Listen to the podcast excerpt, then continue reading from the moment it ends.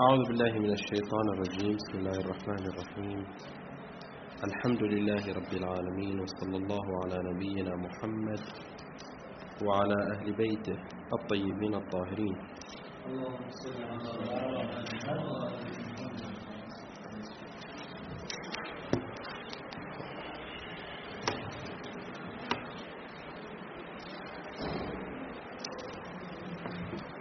بداية نقرأ الفاتحة لروح هؤلاء الشهداء الذين قضوا في سبيل الإسلام. ونسأل الله سبحانه وتعالى أن يرفع في درجتهم وأن يحشرنا معهم والسير في سبيل بسم الله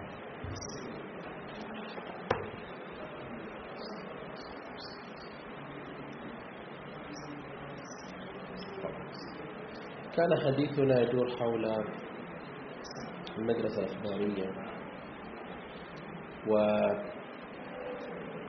وحتى نحدد الخارطة في ال... أو مكان مكاننا في البحث. نحن كنا نتحدث عن العلاقة بين مصادر التشريع وتحدثنا بداية عن العلاقة بين السنة الواقعية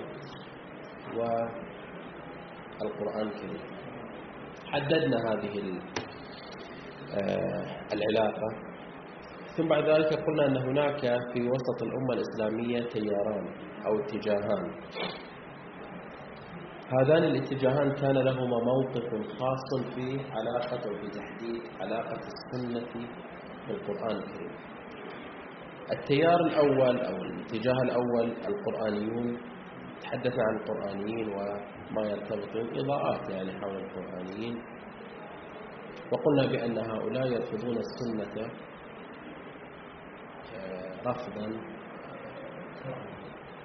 تاما. السنة الواقعية فضلا عن السنة المحكية. قلنا أنهم, أنهم على مراتب. ثم بعد ذلك انتقلنا في الأسبوع الماضي الحديث حول الاتجاه الثاني وهو على النقيض من الاتجاه الأول والذي يؤمن بمرجعية السنة فقط. هو لا ينكر حجية ومرجعية القرآن الكريم ولكن قال هناك لدي موقف من مرجعية القرآن الكريم مع عدم وجود المعصوم. كيف يتعامل مع القرآن الكريم؟ وقلنا بأنه هذا التيار أو هذه المدرسة بعد أن ألقينا الضوء عليها هذه المدرسة متفاوتة في هذا الاتجاه الذي تبنته. بين متطرف أو لنقل بدأت كلمة متطرف. حد أكثري وحد أقل. بالحد الأعلى والحد الأدنى. و والحق أنه هذا الموضوع يحتاج إلى مجموعة من الجلسات ولكن حسب الخطة التي رسمت لنا في هذه المادة نتحدث في هذا المقدار. في الأسبوع الماضي استعرضنا مجموعة من الأدلة التي ساقها الشيخ المحدث الأمين استر آبادي في عدم حجية عدم مرجعية القرآن الكريم وأن المرجعية والمستند في المعرفة الدينية هو فقط أو هي فقط السنة فقط السنة. استعرضنا أظن دليلين من الأدلة نستعرض بعض الأدلة أو ما تبقى من الأدلة في هذا الوقت. الدليل الثالث على طريقتنا السابقة أقرأ نص الكتاب ووضح الإشكالية وإذا كان هناك جواب. لكن قبل ذلك أحد الأعزاء أشار إلى إشكال وهو أننا في محاكمتنا أو في مناقشتنا لهذه الأدلة نناقشهم على أي مبنى؟ على مبناهم على مبنى الأخباريين أو على مبنى الأصوليين. نحن نقول لا نناقشهم على مبنى الأصوليين. يعني لدينا مسلمات ومصادرات قبلية هذه المصادرات لا تجعلنا لا نؤمن بمثل هذه الاستدلالات. يعني عندما يقول مثلا مثلا دليل مثلا هذا حديث الثقلين هو فهمه بطريقة نحن طريقة فهم الأصوليين لها مختلفة. فقط أريد أن أنبه أننا في حال استدلال أو مناقشة أدلتهم نناقش أدلتهم حسب المباني التي نعتقد بها. وليس غرضنا استعراض الخروقات أو الفجوات التي يعني ممكن أن نكتشفها في المدرسة الأخبارية. يعني نستطيع نحن نذهب إلى المسائل الأساسية ومن خلال هذه المسائل الأساسية نقول كل ما ينبني على هذه المسائل الأساسية التي يعتقدها الأخباريون كلها صار لأننا هذه الأسس لا نؤمن بها. مثل حجية القرآن الكريم. ونستطيع أن نناقشه بحجة القرآن الكريم أو موضوع الحجية مطلقا ثم القرآن الكريم وبعد ذلك كل ما يبتني عليه ولكن ليس غرضنا هو مناقشة المدرسة الأخبارية فيها في كل زواياها وإنما فقط نريد أن نعطي موقف الأصوليين من هذه الاستدلالات التي آه يعني استعرضت أو استدلت. فقط نبهت على هذا لأن آه، هناك من أثار هذه النقطة بأنه بناء على الأخباريين. هذه الأجوبة والمناقشات غير صحيحة والكلام صحيح بناء على مبنى الأخباريين. الدليل الثالث قال أن كل طريق نعم. الدليل الثالث يقول لو كان سنة حجة لدونه النبي وعدم تدوين النبي في عصره دليل على عدم حجية السنة نعم وهذا الدليل الذي استعرضتم عنه دليل ثالث من أي قسم؟ ربما يكون الرابع يعني ما في الترتيب ربما اختلف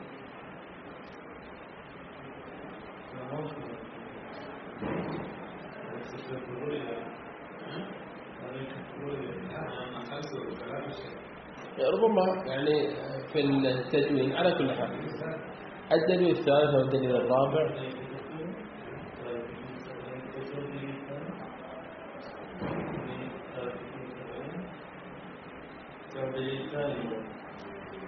شيخنا العزيز الدليل الثاني كان حديث الثقلين. هذا ناقشناه آخر شيء. على كل حال الدليل الثالث قال هكذا. قال أن كل طريق غير غير التمسك بكلامهم عليهم السلام يفضي إلى اختلاف الفتاوى. والكذب على الله تعالى. وكل ما هو كذلك مردود غير مقبول عند الله لما تقدم من الروايات المتواترة معنا. ماذا يريد أن يقول الشيخ الأمين الاسترابادي هنا؟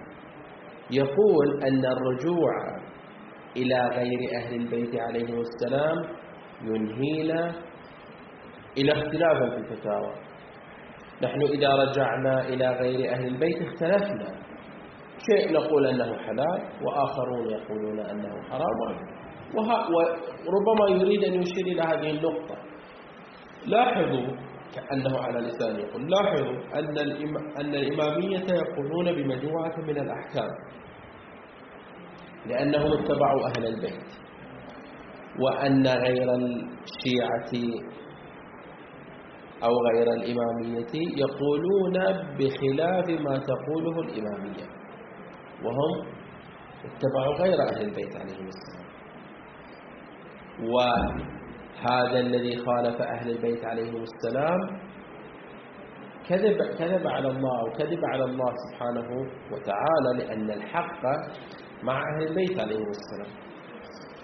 وكل ما يكون ما يوصلنا إلى ذلك إلى اختلاف الفتاوى وبالتالي الكذب على الله سبحانه وتعالى هذا لا يمكن قبوله ولعل الشيخ الاسترآبادي يريد أن يشير إلى نفس تلك النقطة التي ذكرها في حديث الثقلين. في حديث الثقلين كذلك قال قال أن الله سبحانه وتعالى يريد أن يريد أن نتمسك بالكتاب والسنة بالكتاب والعترة وأن التمسك بالعترة يحقق لنا التمسك بالقرآن الكريم. في هذا الدليل الثالث الفكر نفسها لكن ب يعني نطاق أضيق ربما قليلا. هنا أيضا يمكن التوقف أكثر من وقفة مع الشيخ في هذا الدليل. أولا أن تقول أن التمسك نعم بغير كلام أهل البيت عليهم السلام يفضي إلى اختلاف الفتاوى. جيد. نقول لك شيخنا أيضا حتى إذا سرنا مع الروايات وسرنا مع السنة فإننا أيضا نقع في اختلاف الفتاوى. ودونك كتب الفقهاء الفقهية لتكتشف بأن هناك اختلاف في فهم رواية واحدة. كلهم يعتقدون بأن هذه الرواية حجة سواء على مبنى الأصول أو على مبنى الأخبار. ولكنهم ولكن بعض الفقهاء يستفيد ويستنبط من هذه الرواية الوجوب مثلا وبعضهم يستفيد الجواز مثلا وغير ذلك. إذا نفيك لحجية القرآن الكريم لا ينهي هذه الإشكالية لا تقل لنا كأنك تريد أن ترجع كأنك تريد أن ترجع المسلمين. أو عفوا كأنك تريد أن ترجع الاختلافات التي وقعت فيها الأمة الإسلامية في الفتاوى. كأنك تريد أن ترجعها إلى القرآن الكريم. نقول لك نعم ربما ظهورات القرآن الكريم جزء منها. لكن أيضا ظهورات السنة المباركة جزء من هذه هذا الاختلافات في الفتاوى بين المسلمين. إذا هذا لا يلازمنا في الحجية. وإلا على هذا أيضا ننفي حجية. السنة كما فعل هذا عين هذا الكلام ذكره القرآنيون في استعراضنا لأدلة القرآنيين قاسم أحمد الماليزي ماذا قال؟ قال إشكالية الأمة الإسلامية في هذا الحديث في هذه الروايات رواية تثبت شيئا ورواية عن النبي تثبت شيئا ورواية أخرى عن النبي عند الفريق الآخر تنفي هذا الشيء. جماعة يقولون هناك تضافر على مثلا هذا الموضوع وهناك جماعة يقول أصلا لا يوجد تضافر وإنما هي رواية الموضوع. نفس هذا المنطق استخدمه فيما بعد طبعا القرآنيون. فإذا هذا لا يعني لا ينفي الحجية. نحن الآن في سياق نفي الحجية وحصر الحجية في السنة المباركة. تقول لي أن التمسك بالسنة ليس نعم ينهي هذا الخلاف؟ لا ليس كذلك. وإذا كانت السنة تنهي هذا الخلاف لا يعني أن القرآن ليس حجة.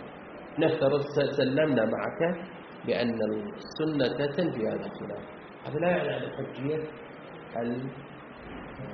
مثل الظواهر القرآنية أو الأحكام أو الحصار أو الحصار الفتوى والحجية في السنة المباركة ثم انتقل إلى لازم لازم اختلاف الفتاوى إلى الكذب على الله سبحانه وتعالى. وهذا أيضا ربما نناقش فيه الاختلاف في الفتوى لا يلازم الكذب على الله سبحانه وتعالى ولا ينهينا إلى الكذب على الله سبحانه وتعالى. إذ أنا عندما أستند على رواية على رواية في استنباط حكم شرعي ثم تبين لي أن هذه الرواية في علم الله الواقعي ليست صادرة عن النبي أو عن أحد أئمة أهل البيت عليه السلام. هل نقول هنا بأنني كذبت على الله؟ أنا اعتمدت في ذلك على حجة شرعية يعني لم أعتمد على هذه الرواية من عندياتي ومن جيبي حسب التعبير وإنما اعتمدت على حجية على قرائن على دليل بأن هذه الرواية حجة فاستنبطت حكما منها. كأنه يريد أن يقول أن الاعتماد على غير أهل البيت يفضي إلى خلاف الفتاوى وثم ومن ثم يفضي إلى خلاف إلى الكذب على الله. وأن الاعتماد على أهل البيت ينفي هذا الاختلاف الفتاوى وبالتالي ينفي الكذب على الله. نقول له لا نفس هذا المنطق وهذه الإشكالية تنطبق حتى لو اقتصرنا على الروايات فقط. ليس على مستوى الصدور. ربما يأتي المشكل ويقول لي هو يعتقد بصحة كل الكتب الأربعة وكل ما في الكتب الأربعة. فهذا الإشكال غير وأن نقول له لا في الدلالة في الدلالة أيضا. يمكن أن يكون هناك كذبا على الله بهذا المنطق.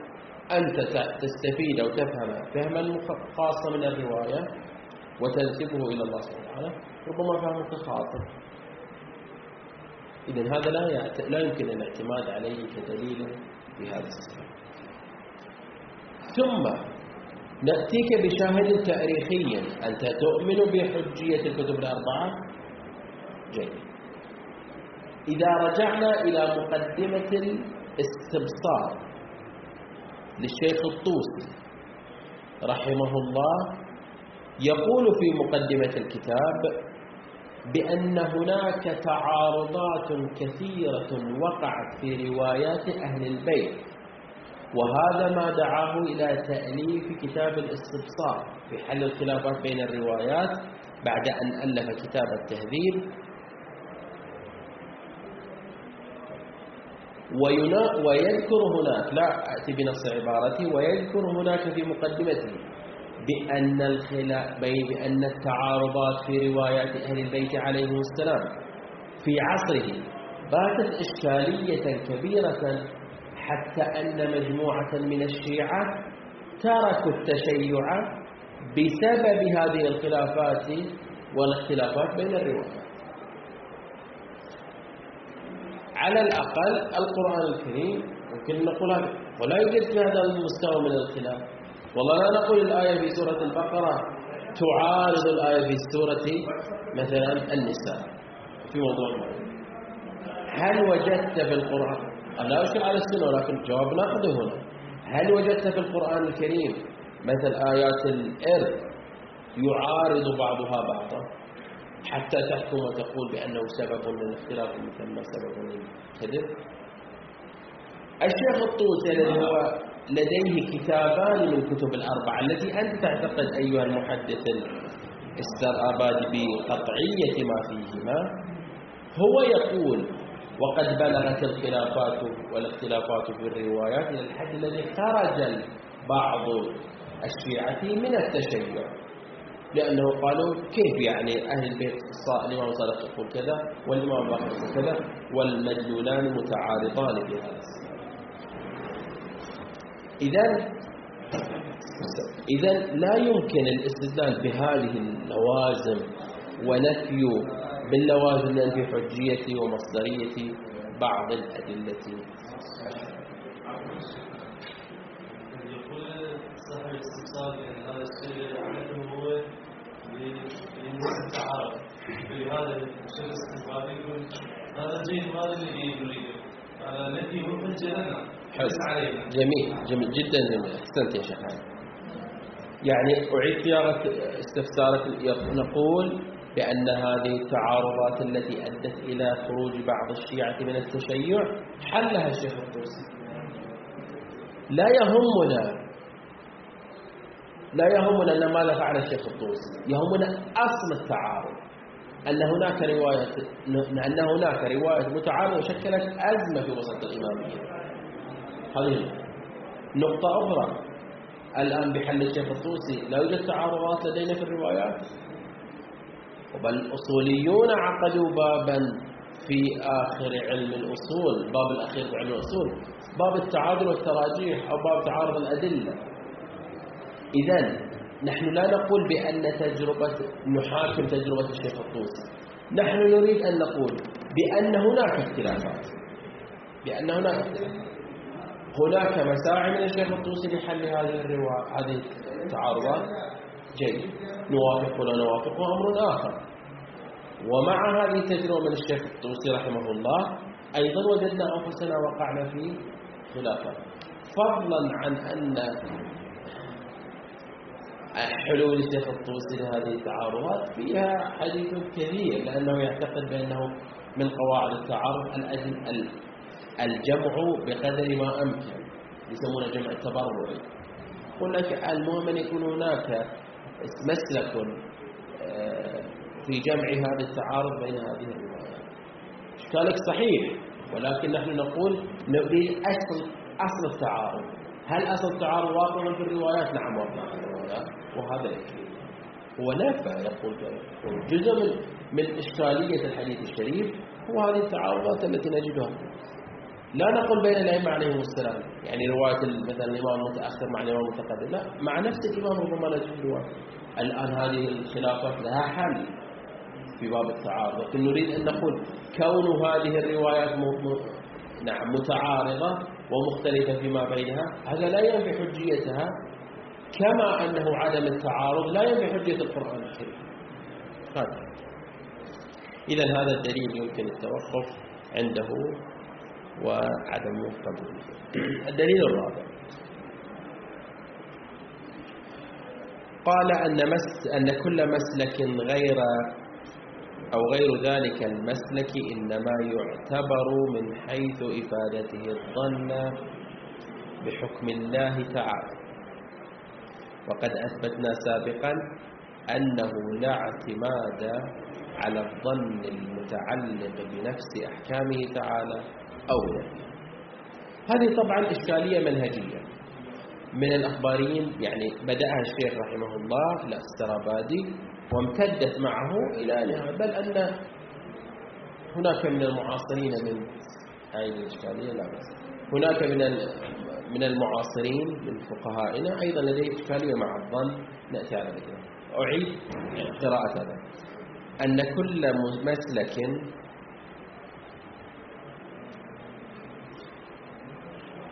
غير ذلك المسلك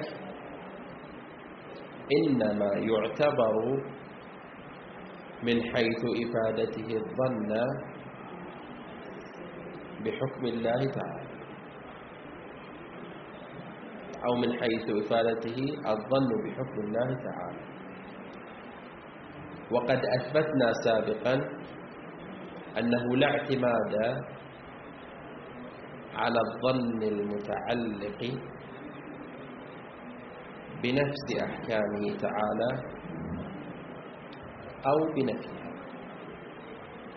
هنا يريد أن يشير إلى كما قلنا إشكالية أساسية لدى المدرسة الأخبارية في عليكم حياكم الله المدرسة الأخبارية في مسألة تعلمون بأن الأخباريين لديهم إشكالية أساسية في الظن.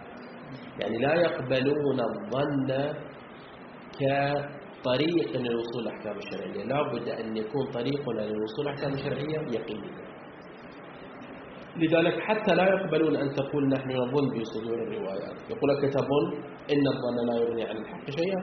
خلاص بعد لا تأخذ به. ومبحث الظن عند الأخباريين طبعا مبحث مفصل جدا. ممكن مراجعة كتاب الرسائل للشيخ. الأعظم الأنصاري نتحدث مفصلا مناقشة. ولا كما قلنا في الجلسة الماضية ولا يأتي مورد فيه لمناقشة للأخباريين إلا تعرض له. هنا طبعا رد هذه الإشكالية أو مناقشة هذه الإشكالية مبنائية. يعني أن تقول أن الأصل في الظنون عدم الحجية نقول نعم نحن نوافقك في هذا ونتوافق على ذلك. الأصل في الأشياء عدم الحجية سواء على مستوى الظن أو على مستوى أقل من الظن. العلم هو الذي آه، حجيته ذاتية كما درسنا في علم أصول الفقه. هذا نتفق عليه. ولكن نختلف معك في أن هناك استثناء من هذه القاعدة. فهناك مجموعة من الظنون أكتبها الشارع المقدس الحجية كتبها سابقا شارع المقدس. فليس مطلق الظن وكل الظنون غير حجة وإنما هناك ظنون استثناء الشارع فأعطاها الحجية. وإذا أعطاها الحجة نتعامل معها معاملة علم ولو على مستوى الشرع يعني علم المكتسب. على المباني المختلفة لديه هذا طبعا نعم إذا لم نؤمن بالظن كلامه صحيح. لكن هذا لا يعني أن كل الروايات قطعية. إذا سلمنا معك كما يسلم بعض أساتذتنا بأن الحجية الأصل في الروايات الأصل فيها العلم. ولا يوجد هناك استثناء للروايات الظنية فالرواية التي يعتمد عليها لابد أن تكون رواية مطمئن بصدور بصدورها على أقل تقدير. فضلا عن العلم والقطع بصدورها. ولكن هذا لا يعني أنه نعم يتوافق مع الأخباريين في الجملة. ولكن ربما يأتي على رواية يقول هذه الرواية ليست مطمئن بصدورها فلا أخذ بها. الأخباري لا يقول الأصل عدم حجية الظن وكل الروايات خارجة عن الظن لا تعبدا وإنما مثلا واقعيا يعني أنها نقطع بصدورها وغير ذلك. إذا الخلاف هنا خلاف مبنائي ولا أجد يعني فائدة من المناقشة الإضافية. تفضل. يوجد للعمل مثلا يعني المعتبر أوصى الإمام كل ما ما أجمع عليه مثلا كل ما اتفق عليه.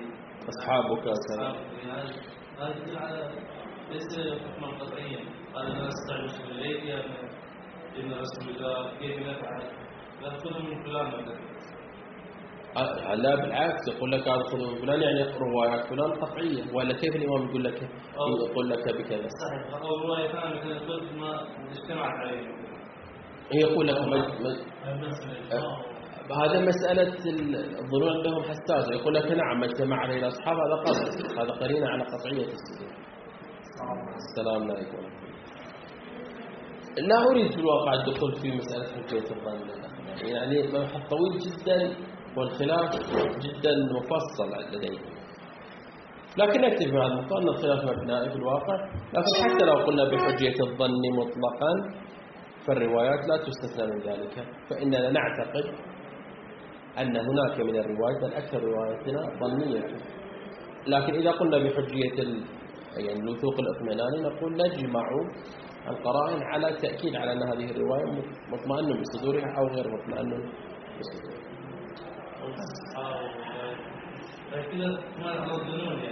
ولذلك هم منظومة مختلفة. مثلا نحن نوسع مسألة الاستطحاب هم لا. أضيق كله اعتماد على على كل هذا الدليل الرابع الدليل الخامس طبعا بعض الأدلة متداخلة لكن نستعرضها ونعلق عليها تعليق الدليل الخامس قال أنه هكذا عبارته أنه تواتر. نعم. أنه تواترت الأخبار على عن الأئمة الأطهار عليهم السلام بأن مراده تعالى من قوله فاسألوا أهل الذكر. إن كنتم لا تعلمون ومن نظائرها من الآيات الشريفة أنه يجب سؤالهم عليهم السلام من كل في كل ما لم يعلم.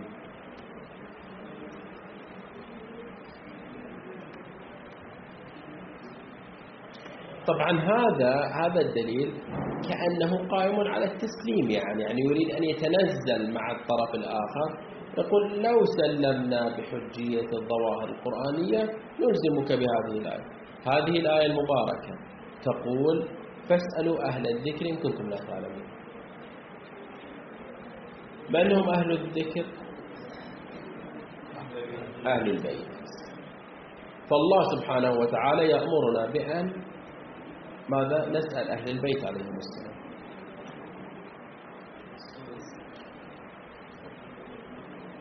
وهذا يعني أن الحجية المفترض هكذا أن الحجية منحصرة في أقوالهم. ليس له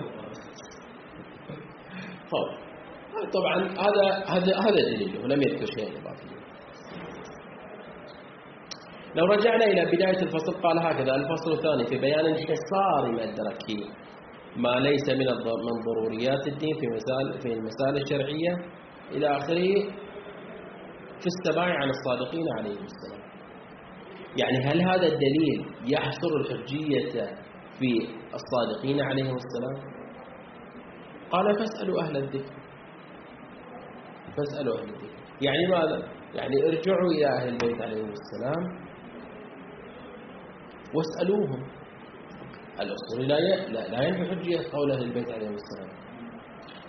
وإنما يريد أن يقول أن هناك مصادر متعددة ونقطة الخلاف مع معنا ومعهم هكذا بأن ظواهر القرآن الكريم القرآن الكريم له وصف المرجعية أو ليس له وصف المرجعية؟ يعني كيف يمكن الاستدلال بمثل هذا الدليل لصالح نفي حجية القرآن الكريم نفي حجية ظواهر القرآن الكريم أو مرجعية القرآن الكريم؟ الآية تقول فاسألوا أهل الذكر. إذا أشكل عليكم أمرا فاسألوا أهل البيت عليهم السلام. وهذا لا يعني أن لا ترجع إلى القرآن الكريم. هذا لا يعني. استفهم من القرآن الكريم ترجع إلى القرآن الكريم. أيضا هذا الخلاف مبدئي في هذا. لا لازم تعليق إضافي على هذا الموضوع.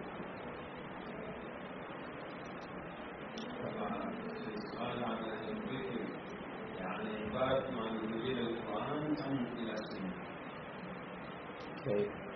يعني اسأل أهل الذكر أنه المقصود لهم أهل البيت أهل البيت الآن عندما نرجع إلى هذا القرآن مضيق ليس لم يفسر أكثر كما أهل البيت الآن مو موجودون وكثير ما نصب إلى أهل البيت وليس منهم وكيف سمعت أنه مفترض هكذا يقول لك يقول لك أهل البيت أجابوا عن كثير من المسائل.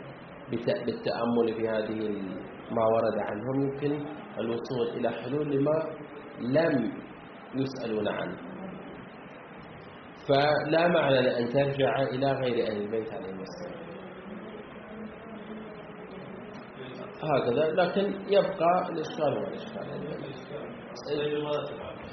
الإشكال هو الإشكال لدينا أنه القرآن أمرنا بالرجوع إلى أهل البيت هذا لكن هذا لا يعني عدم الرجوع لأنه لا يوجد في الآية إطلاق.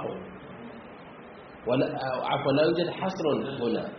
قال فاسألوا أهل الذكر إن كنتم لا تعلمون. في الأمور التي لا تعلمونها فاسألوا أهل الذكر. لم يأتي بعبارة يحصر فيها آه، نعم. عدم معرفتك بشيء الرجوع إلى أهل الذكر فقط. وإنما أهل الذكر أهل البيت عليه السلام هو طريق من الطرق لأن لا يمكن يعني بحسب هذه لو أردنا أن نستدل بهذه الآية فلا نستطيع أن نتوسع في كثير من الموارد. مثل ما تفضل سماحة الشيخ يعني المستجدات كيف نرجع إلى أهل البيت المستجدات؟ في الأخير سنعمل شيء من التفكير هذا الشيء من التفكير نعمله أيضا في القرآن الكريم. الدليل السادس قال أن العقل والنقل قاضيان بأن المصلحة في بعث الرسل وإنزال الكتب رفع الاختلاف والخصومات بين العباد. كتب أقرأ بأهدأ من هذه الأمور أن العقل والنقل قاضيان بأن المصلحة في بعث الرسل وإنزال الكتب رفع الاختلاف والخصومات بين العباد. ليتم نظام معيشة معاشهم ومعادهم. فإذا كان من القواعد الشرعية جواز العمل بالظن المتعلق بنفس أحكامه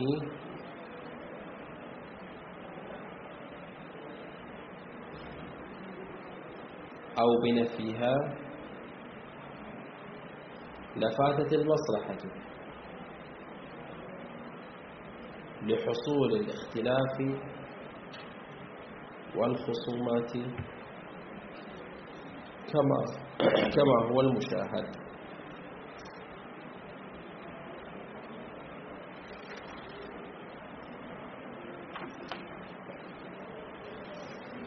أيضا رجوع مرة أخرى إلى مسألة الظنون حجية الظنون. هل الظنون يعتمد عليها في الأحكام أو لا يعتمد عليها في الأحكام؟ أيضا مناقشة نفس المناقشة السابقة. نحن نريد يعني الإشكال الأساسي أن الشارع لم يعطي الظن الحجية. وما دام لا يعطي الظن الحجية فإنه بهذا يضيع آه نعم عفوا هو لم يعطي الظن الحجية وبذلك ينفي حجية كل ما ينشأ عن الظن من أحكام وغير أحكام فإذا فإذا عملنا بها أو نعم إذا عملنا بهذه الظنون فوتنا المصالح. هذا في الواقع يعني بتعبير آخر يريد أن يصل إلى مسألة مسألة أن هناك مصالح واقعية لهذه الأحكام الشرعية. والوصول إلى هذه هذه المصالح لا بد أن يكون عن طريق اليقين.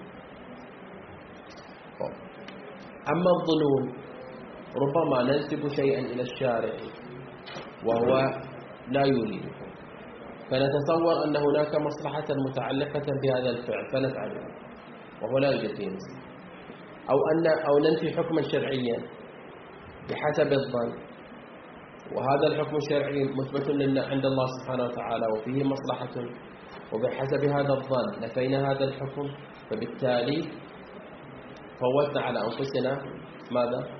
المصلحة المتعلقة أو المرتبطة بهذا الحكم إذا الظن الظن نقطة مركزية ومحورية في مسألة إثبات أو الوصول إلى المصلحة ونفي هذه المصلحة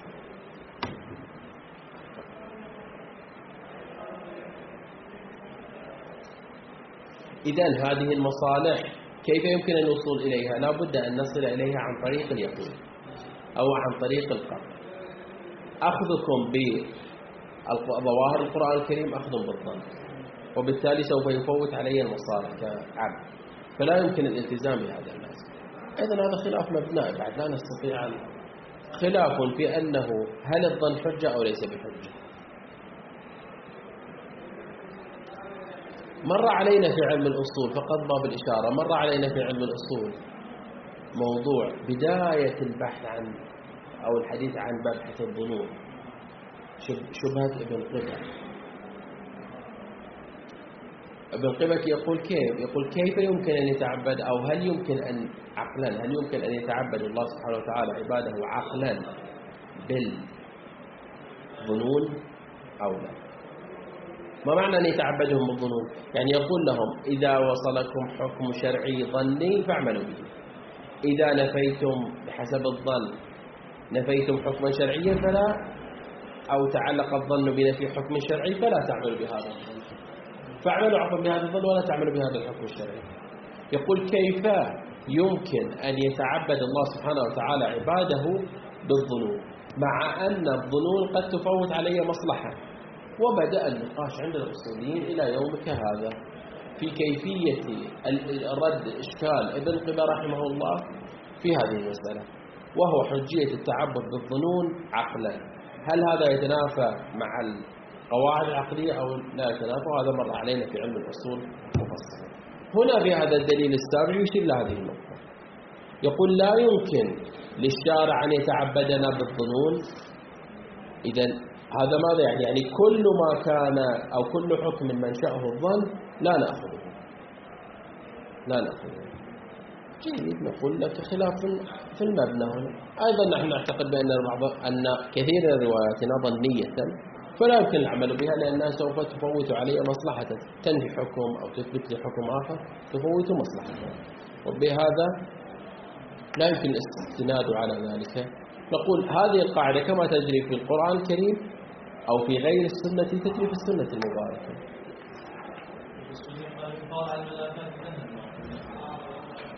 الآن الجمع الحكم الظاهري والواقعي وأن هذه الأحكام الظاهرية يعني الظنية كيف يمكن أن تتوافق مع الأحكام التي عند الله سبحانه وتعالى؟ نأتي عاد هنا مسألك متعددة لدى الأصوليين المصلحة السلوكية وجعل الحكم المماثل وغيرها من الطرق. الدليل السابع والأخير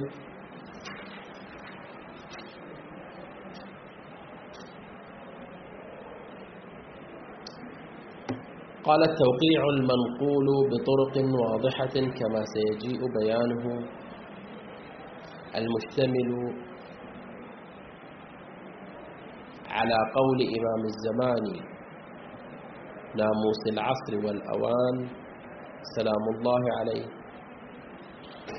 قول الإمام وأما, الوقع وأما الوقائع الحادثة فارجعوا فيها.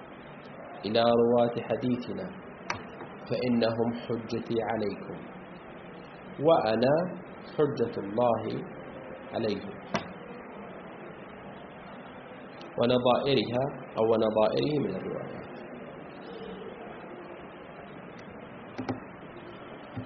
هذه الرواية المباركة تعلمون بأن الفقهاء استفادوا منها أكثر من فائدة.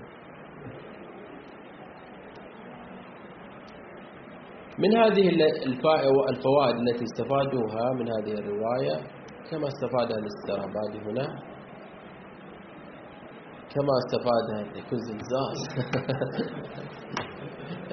كما استفادها الشيخ الاسترابادي بأن الوقائع قال هكذا الوقائع الحادثة فارجعوا فيها إلى رواة حديثنا فارجاع للأمة إلى الرواة. الرواة يا شيخ السراج يروون روايات لا يروون قرآنا أو غيره. فيقول هنا معنى أن الإمام صاحب الزمان سلام الله تعالى عليه أرجع الأمة إلى الروايات من خلال الرواة من خلال وبذلك يتحصل المطلوب أن مطلوبنا لا أقل في عصر الغيبة هذا على لسان يعني تتميم للكلام. في عصر الغيبة نرجع إلى الروايات فقط دون غيرها من الأدلة لا قرآن ولا غيره طبعا هذا أيضا يرجع إلى حديث الثقلين من جهة هذا هذه الإشكالية. وذلك الكلام الذي ذكرناه في حديث الثقلين يأتي هنا. إضافة إلى أننا نقول هل فعلا الرواية هنا في سياق نفي غير حجية السنة. يعني هل الرواية هنا؟ طبعا بعد التسليم بصدورها. وهذا لا نقوله باعتبار أنه يقطع بصدورها من المفترض تعلمون بأن هذه الروايات بحث في صدورها. نقول بأن هذه الرواية هل فعلا تحصر الحجية فقط في سنة أهل البيت والروايات أو لا؟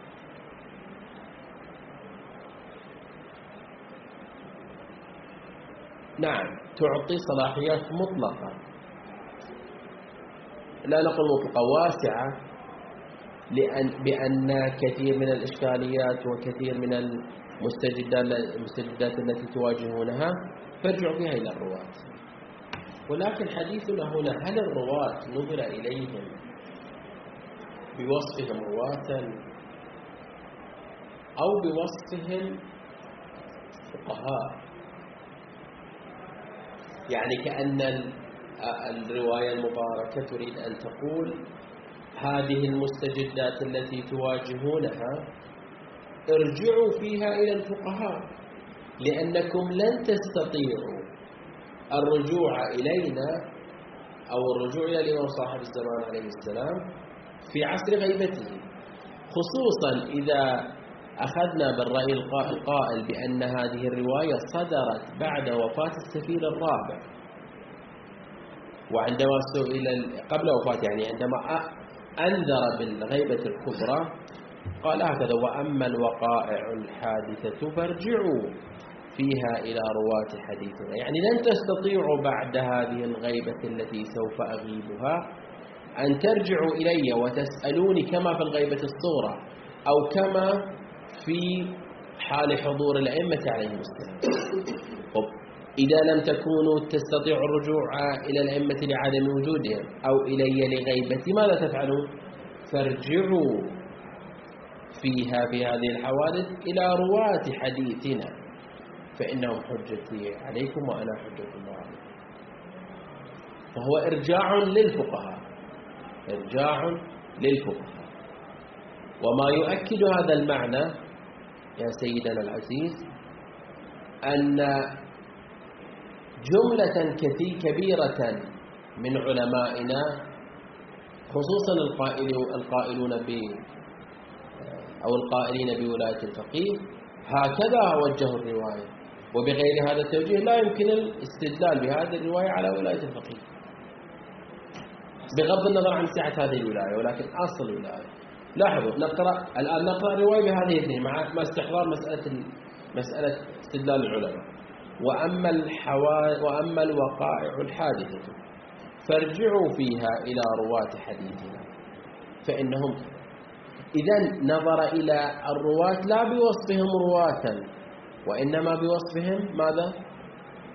فقهاء. الآن تقول لي ماذا تقصد من الوقائع الحادثة؟ هل هي الوقائع الفقهية فقط أو حتى الوقائع الاجتماعية؟ هنا نختلف في السعة والضيق.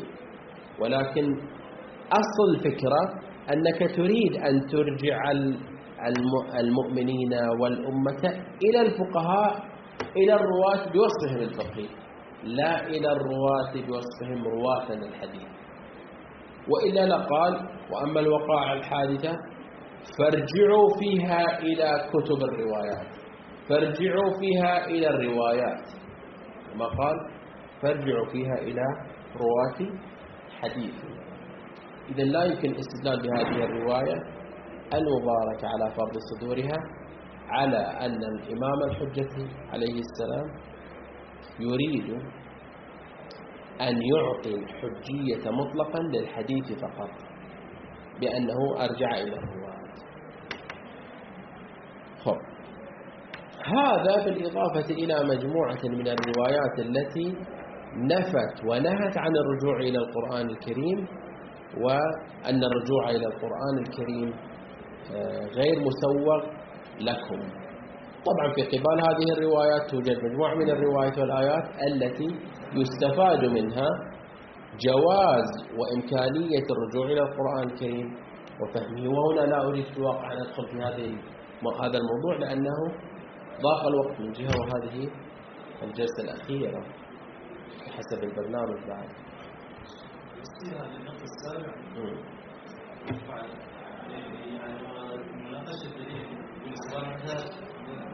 تشريع مطلق ليس هو في فقط في الروايات من الحوادث من عبر الإمام الحوادث ليس معنى فقط الروايات اسم غير الروايات لا. قال هكذا الرجوع الحوادث الواقعة. ارجعوا إلى الروايات. يعني لا لم يقل لهم في الروايات ارجعوا إلى الروايات. إذا واجهتكم حوادث في بعد الغيبة أين مصدر حل هذه الحوادث؟ هو الرواة وأما الحوادث نعم وأما عفوا وأما الوقائع الحادثة هذه الوقائع الحادثة ماذا نفعل فيها؟ ارجعوا فيها إلى رواة حديثنا. ارجعوا فيها إلى رواة طبعا خلاف الفقهاء تقريبا في مسألة الوقائع الحادثة. هل نحصرها في الأمور الشرعية أو أعم من ذلك؟ القائلون بحصرها في الأمور الشرعية ولا تدل مثلا على ولاية الفقيه. وأما القائلون بأن هذه الوقائع أعم من المسائل الشرعية حتى المسائل الاجتماعية وغيرها فهنا يعطي سعة للفقيه في هذا المجال. إذا هذا تمام الحديث حول ما أردنا استعراضه من هذا الموضوع وفي هذه المادة كلها أو كلها هذه الجلسة الأخيرة. أسأل من الله سبحانه وتعالى أن يكون قد وفقنا لتقديم شيء مفيد للأخوة الأعزاء. و ما تبقى من المادة بعد. نعتذر عدم تقديمه.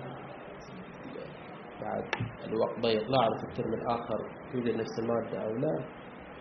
ولكن الدرس كان ساعتين في الأسبوع فقط. من باب كما قلنا ربما في الجلسات الأولى غرضنا هو أن آه، يعني نتدارس هذا الموضوع ويرتبط بالسنة المبارك خصوصا نعم موضوع نعم تخصصكم في الحديث الشريف.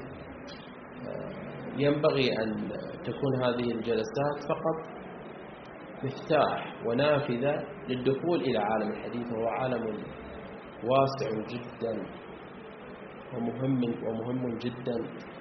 وفي كثير من الإشكاليات في كثير من المجال للخدمة في هذا آه، المجال. سامحونا على القصور والتقصير ونسألكم الدعاء والحمد لله رب العالمين.